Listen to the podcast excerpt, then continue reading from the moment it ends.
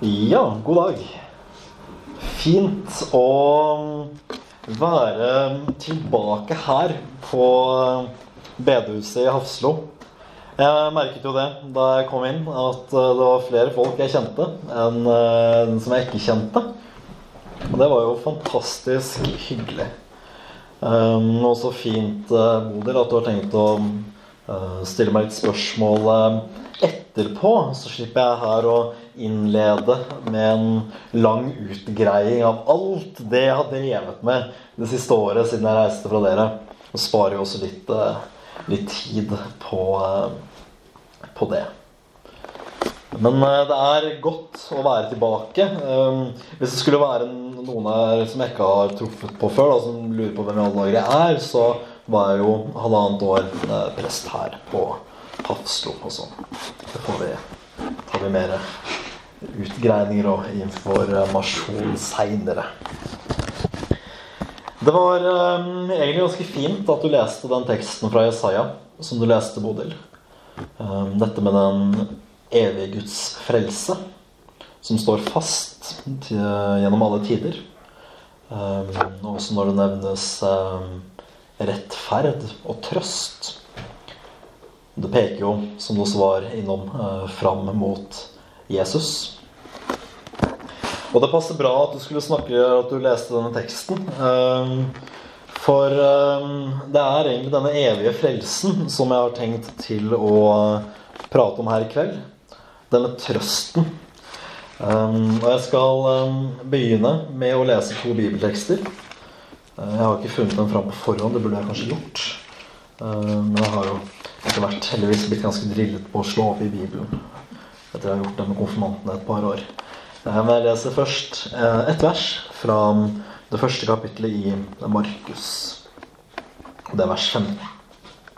Og det er Jesus som sier Han sa Tida er fullkommen, og Guds rike er kommet nær. Vend om og tru på evangeliet. Og så leser jeg uh, videre da fra det 24. kapittel i Lukas. Fra og med vers 44. Og det er fortsatt Jesus som taler. Så sa han til deg, dette er orda mine, som eg tala til dykk medan eg ennå var hjå dykk. At det laut oppfyllast alt det som er skrive om meg i Moselova og profetane og salmane.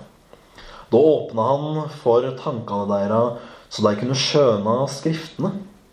Og han sa til deg, så står det skrive at Messias laut lia og stå opp fra de døde tredje dagen, og at omvending og forlating for syndene skal forkynnes i hans navn for alle folkeslag, fra Jerusalem og videre ut. Slik lyder Herrens ord. Her har dere jo um, det som gjør at man kan si det Bodil sa, at uh, Det gamle testamentet peker fram mot Jesus.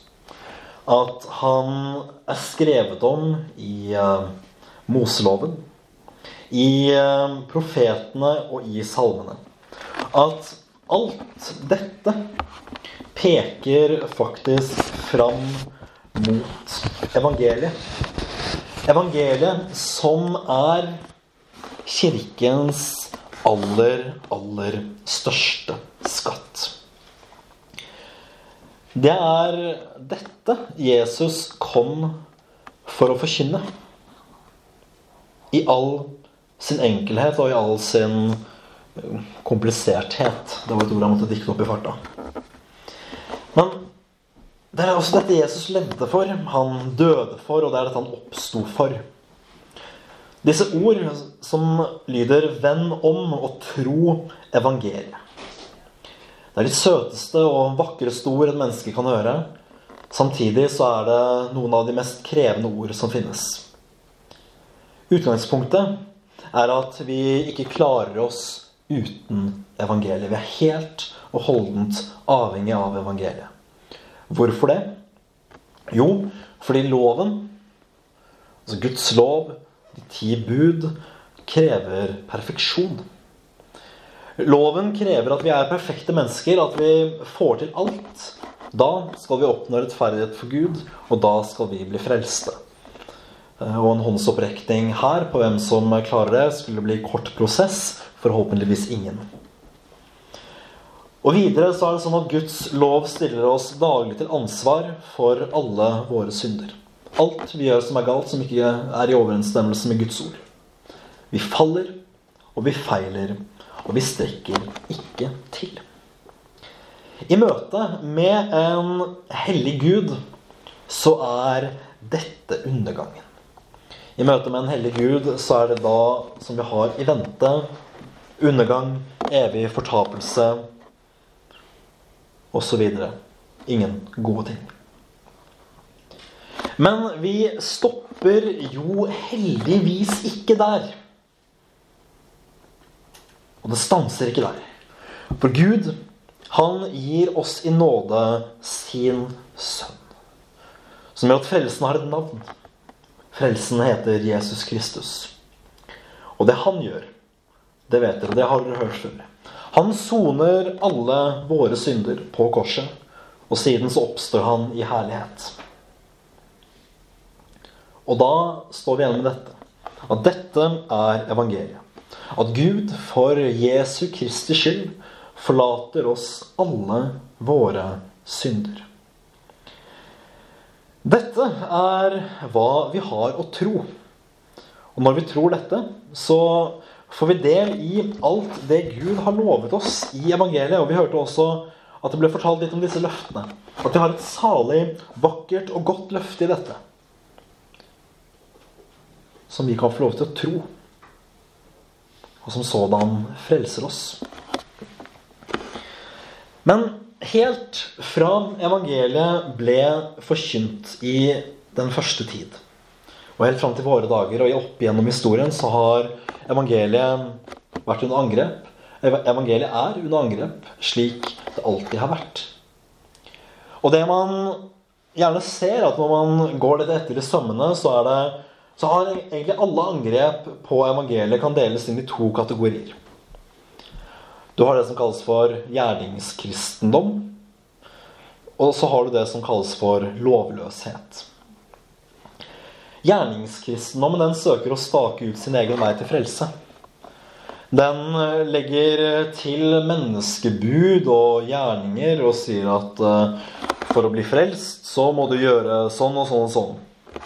Det er jo dette fariseerne drev med. De hadde en lang liste over ting man måtte gjøre for å bli frelst. Og det de gjorde, var at de tok gjerne loven, og så fiksa og triksa de litt uh, på den. og la til noen ting som gjorde at den ble lettere å holde, og så så de veldig fromme og perfekte og fine ut på utsiden. Men det som ligger til grunn her, er at man vil blidgjøre Gud og fortjene sin egen frelse.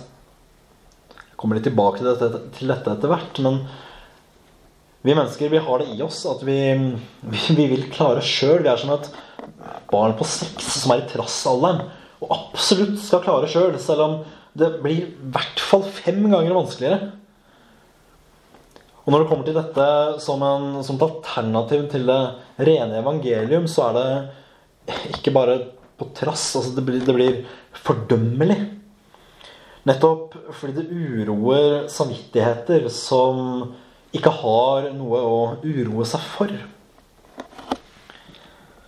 Tror du på Jesus? At han døde for deg, tror du at han forlater dine synder, da skal ingenting legges til. Ikke for rettferdiggjørelsens skyld. Ikke for å oppnå fred med Gud. Og så lærer vi at, er, at gode gjerninger ikke er uviktig. Men det er ikke det vi bekymrer oss om nå. Det kan heller bli en annen preken. Eller en annen tale. Ingenting skal legges til for rettferdighetens skyld. Men like fordømmelig som dette første angrep er det andre angrep, som er lovløsheten. Og jeg måtte altså Jeg vet ikke om lovløshet egentlig er et godt ord, kanskje. Jeg måtte oversette det fra, fra et eh, engelsk eh, ord. Um, men for å forklare det, så ønsker man her et um, evangelium uten lovens forkynnelse. Man ønsker synsforlatelse uten omvendelse, og man ønsker et nytt liv uten frukter. Og troens og evangeliets frukter, det er jo som man kunne pratet om i en annen preken, de gode gjerninger. Men for å si det litt tydelig, så Hvis man går inn i denne lovløsheten, så kan det være fordi man elsker sine synder for høyt til å vende seg om fra dem. Men man vil gjerne tro på Jesus likevel. Problemet her er at evangeliet blir, eh, det blir platt. Det blir et forflatet evangelium som eh, egentlig ikke sier noe som helst, og man ender opp med å spotte det Jesus gjorde for oss på korset. Man sier at Gud er kjærlighet, og man mener at Gud vil tillate alt. Men det som er faktum, er at Gud han vil forlate oss alle våre synder, men han vil ikke tillate oss alle våre synder. Spørsmålet videre blir jo hvor disse angrepene kommer fra. Og et av de første punktene der kan være å si at evangeliet krever alt. Og da er det jo sånn at evangeliet, når det krever vår omvendelse, da kan det for mange bli vanskelig å svelge. Da blir det et evangelium som plutselig krever noe. Og av dette kommer lovløsheten. Av dette kommer lovløsheten når man ser at hm, det ble kanskje litt vanskelig, og jeg vil nå heller fortsette med å gjøre det jeg alltid har drevet med. Da har man et problem. Det er vanskelig å svelge at Jesus har bedt oss vende om. Det er vanskelig å svelge at han har bedt oss ta opp våre kors. Det er vanskelig å svelge at han har bedt oss fornekte oss selv. Det er ikke alltid så lett å gå inn i det. Nåden, den kan på mange måter koste oss mye. Den tyske teologen som ble drept av nazistene, Dietrich Bonhoeffer, pratet om nettopp dette. Han snakker om den dyre og om den billige nåde. Den billige nåde, den er den nåden vi bare ønsker å ta til oss uten omvendelsen. Det er evangelium uten omvendelse. Og mange moderne retninger innenfor kirken og kristendommen har nettopp dette å tilby oss billig nåde. Man går inn for syndenes tillatelse, ikke syndenes forlatelse. Og her finnes ikke syndenes forlatelse. Og der hvor syndenes forlatelse ikke finnes, der finnes heller ikke evangeliet.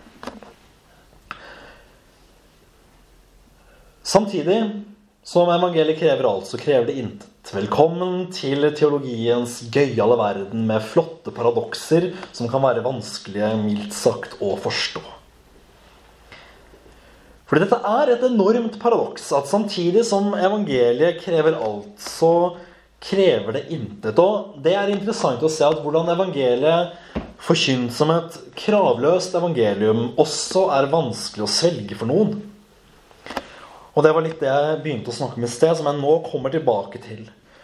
Det ligger så djupt i oss mennesker at vi vil være fromme og fine, og at vi vil få til selv. Nå har jo ikke jeg barn, men jeg har jo selv vært barn og husker liksom halvveis hvordan det var. Og ser jo hvordan det er på, på venner og familie som får barn, og ser at disse trassbarna skal klare sjøl. Det blir bare knot når en fireåring eller en seksåring absolutt skal ta på seg en vått selv. Når hånda er våt og den går inn på skeiva. Men de skal klare selv likevel. Og sånn er det også med oss mennesker. Vi skal klare selv. Det ligger så dypt i oss mennesker. Og så er det også dette med fasade som man kan snakke mye om i vår tid, med sosiale medier og sånne ting. Hvordan alt får en polert flate. Det glansbildet man legger ut på sosiale medier, f.eks. Må vi se fin ut. Og sånn er det også i religionens verden og i det, det åndelige delen av våre liv. Vi vil Altså, jeg, vil, altså, det, ligger så i oss at jeg og du vil se fromme og fine ut. Og da ser mennesker på oss, og så beundrer de oss, og så ser de Oi, se på Mikael. Sånn, han går ofte i kirke, og det, det må han jo, for han er prest. Men sant, han Kanskje ber han ofte, kanskje hører at han leser ofte i Bibelen, kanskje snakker han mye om Jesus, kanskje gjør han andre ting. Sånn Det er Nesten hver retning av kristendommen har jo sine utvendige ting som er veldig flotte og fine, men som vi ikke kan basere saligheten vår på. fordi da blir det bare kaos. Baserer vi saligheten på noe annet enn evangeliet, så blir det bare rot. Men dette her er et like gammelt anstøt mot evangeliet som alt annet. Og det er alvorlig, fordi dette her er dypt fiendtlig til evangeliets vesen. Det er det motsatte av evangeliet. Å si at uh, man må fikse seg selv og livet sitt før man kommer til Jesus, det er um, Jeg hørte et godt bilde på det en gang. Uh, det var en som sa at det er som et, et skuddoffer, altså en som har blitt skutt, som prøver å operere seg sjøl før han drar på sykehuset. Man hører jo at det er jo ren idioti. Er vi syndere, og det er vi, så har vi én ting å gjøre. Og det er å fly med en gang til den himmelske sjeledoktor som forlater oss våre synder og gjør oss hel. Ikke prøve å fikse oss sjøl og reparere og tenke at ja, nei, nå skal jeg gå i kloster, for da kommer jeg i hvert fall til himmelen. Eller nå skal jeg be fem ganger om dagen, da kommer jeg i hvert fall til himmelen. Eller nå skal jeg faste, da kommer jeg i hvert fall til himmelen. Mm -mm, mm -mm. Ikke sånn det fungerer i det hele tatt. Jeg har prøvd å tenke litt på hva dette kommer av. At dette her, er et, altså, dette her oppstår egentlig overalt hvor evangeliet forkynnes. At man, man forkynner at Jesus har gjort alt, Jesus har betalt alt. Og så kommer det mennesker og sier Nei, men uh, hva skal jeg gjøre? Tro på Jesus. Ja, men uh, hva skal jeg gjøre? Tro på Jesus. Men dette er et gammelt angrep, og jeg, jeg tror det kommer av at vi ikke kan altså, forstå med vår menneskelige fornuft og vår Altså vår kjødelighet, eh, forstått nå som menneskets syndige natur, at Jesus faktisk betalte alt. Det er som apostelen Paulus sier at ordet om korset er dårskap. Altså hvordan kan noen forstå at her blir all verdens synd sonet? Det er som at man bare setter seg ned igjen på trass og nekter. Og det her er umulig å tro. Jeg, jeg må jo i hvert fall gjøre noe selv. Jeg må vel kanskje ofre litt eller gi tiende eller noe må jeg gjøre selv. Nei, nei, nei. Sant? Jesus har betalt alt. Vi vil hjelpe til, vi vil bidra, vi vil aller verst fortjene selv. Men Jesus har betalt alt, ofret alt, og Den hellige skrift sier at i ham har vi alt. Og kan komme frimodige for himmelens trone.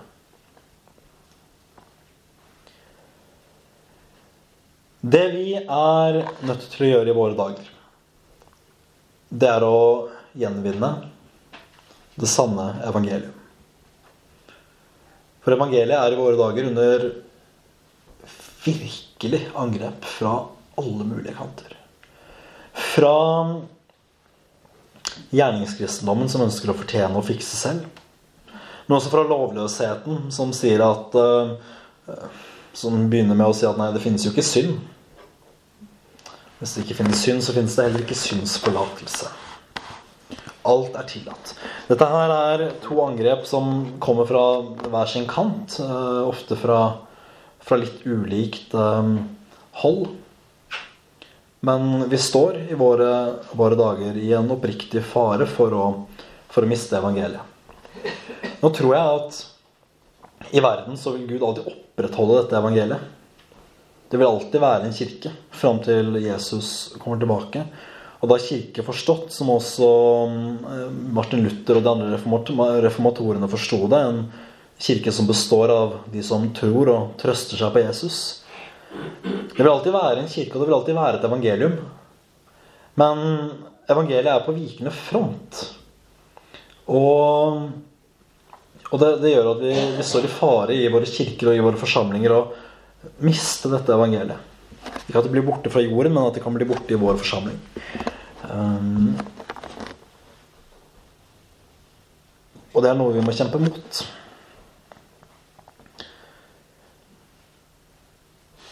Det er også nettopp derfor begge disse angrepene er så fordømmelige, fordi de forkludrer det rene evangelium. Og det rene evangeliet er det viktigste vi har.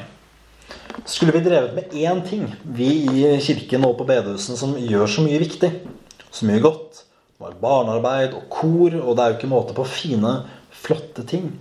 Men skulle vi lagt ned alt uten ett som var nødvendig, så skulle det da Det vi skulle beholdt, skulle vært forkynnelsen av evangeliet. Men hvorfor, kan man da spørre seg, er det rene evangelium så viktig?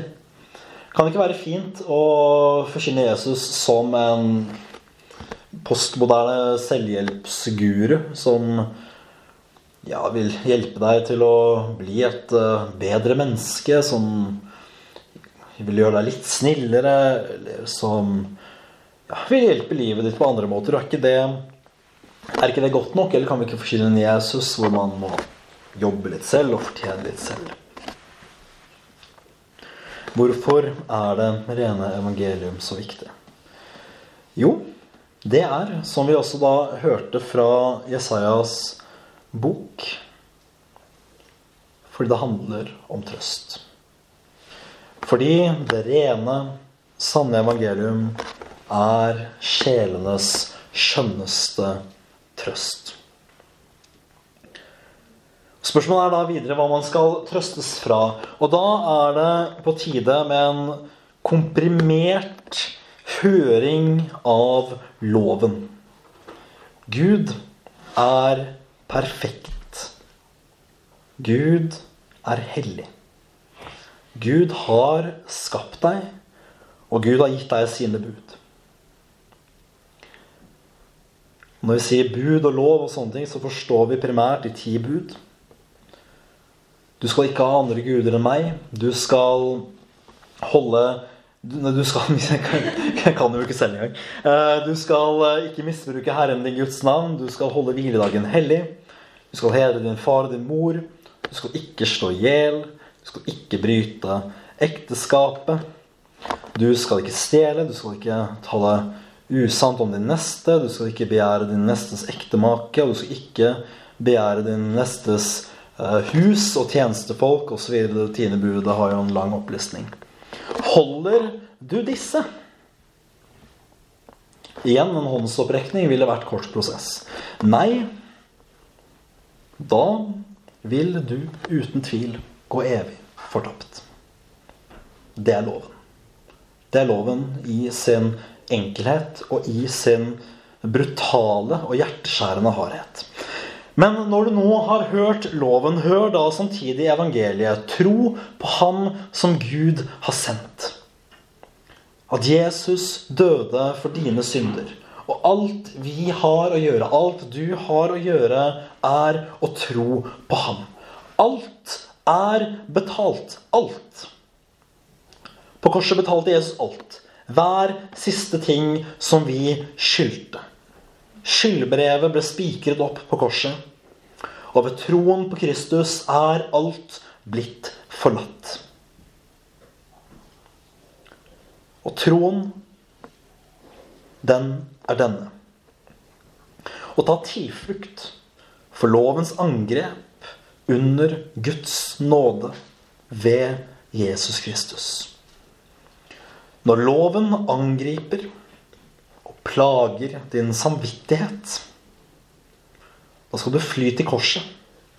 Da skal du fly og rømme dit hvor dine synder ble sonet.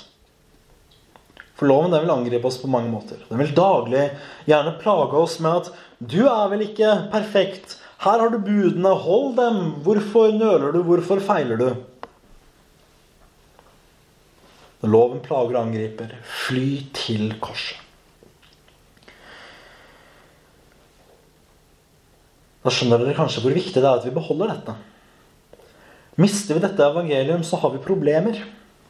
Det står om sjelenes frelse. Vi må aldri legge noe til eller trekke noe fra. Det står om sjelenes frelse. Litt sånn flåsete har jeg sagt, hørt det sagt i noen sammenhenger at man skal plyndre helvete. Eller befolke himmelen, eller, eller andre måter. Det er jo ikke noe jeg bruker uh, så ofte av terminologi, men det sier jo samtidig noe, noe godt om det. Det står om sjelenes frelse. Det står om evangeliet, og det står om nåden. Dere har hørt evangeliet, dere har hørt at Gud er nådig ved Jesus Kristus. Både lovløsheten og gjerningskristendommen er begge nådeløse. Vis meg den nåde som er der. Dette her må du fortjene selv. Totalt blottet for nåde. Jesus har vel ikke gjort noe? Eller eh, det er jo ikke synd, så du får jo ikke tilgivelse. Den lovløsheten er litt vanskeligere å eh, sette ord på sånn, men også den mister nåden. Vi må holde høyt det, det sanne, rene og herlige evangelium. Ikke fordi vi er så virkelig flinke, men fordi vi må bare kaste alt annet bort. Og må Gud gi oss nåde til dette. At Gud må bevare sitt rene evangelium hos oss. Igjen ikke fordi vi er noe flinkere enn noen andre. Men fordi vi vet, og fordi jeg vet i mitt eget liv, at om jeg legger noe til, eller om jeg trekker noe fra, sånn at jeg står uten det rene evangeliet, da står jeg som en synder framfor Gud. Punktum. Men har man det rene evangelium, så står man som en synder framfor Gud. Man står som en forlatt. Altså, nå høres det jo feil å bruke ordet 'forlatt', men altså man er en tilgitt synder. En som har fått sine synder forlatt. Man står foran Gud ren og rettferdig, som salmen sier.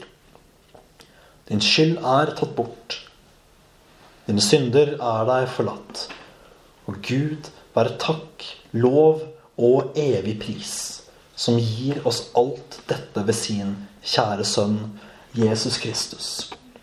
Som sammen med Faderen og Den hellige ånd er en sann Gud som lever og råder fra evighet og til evighet. Amen.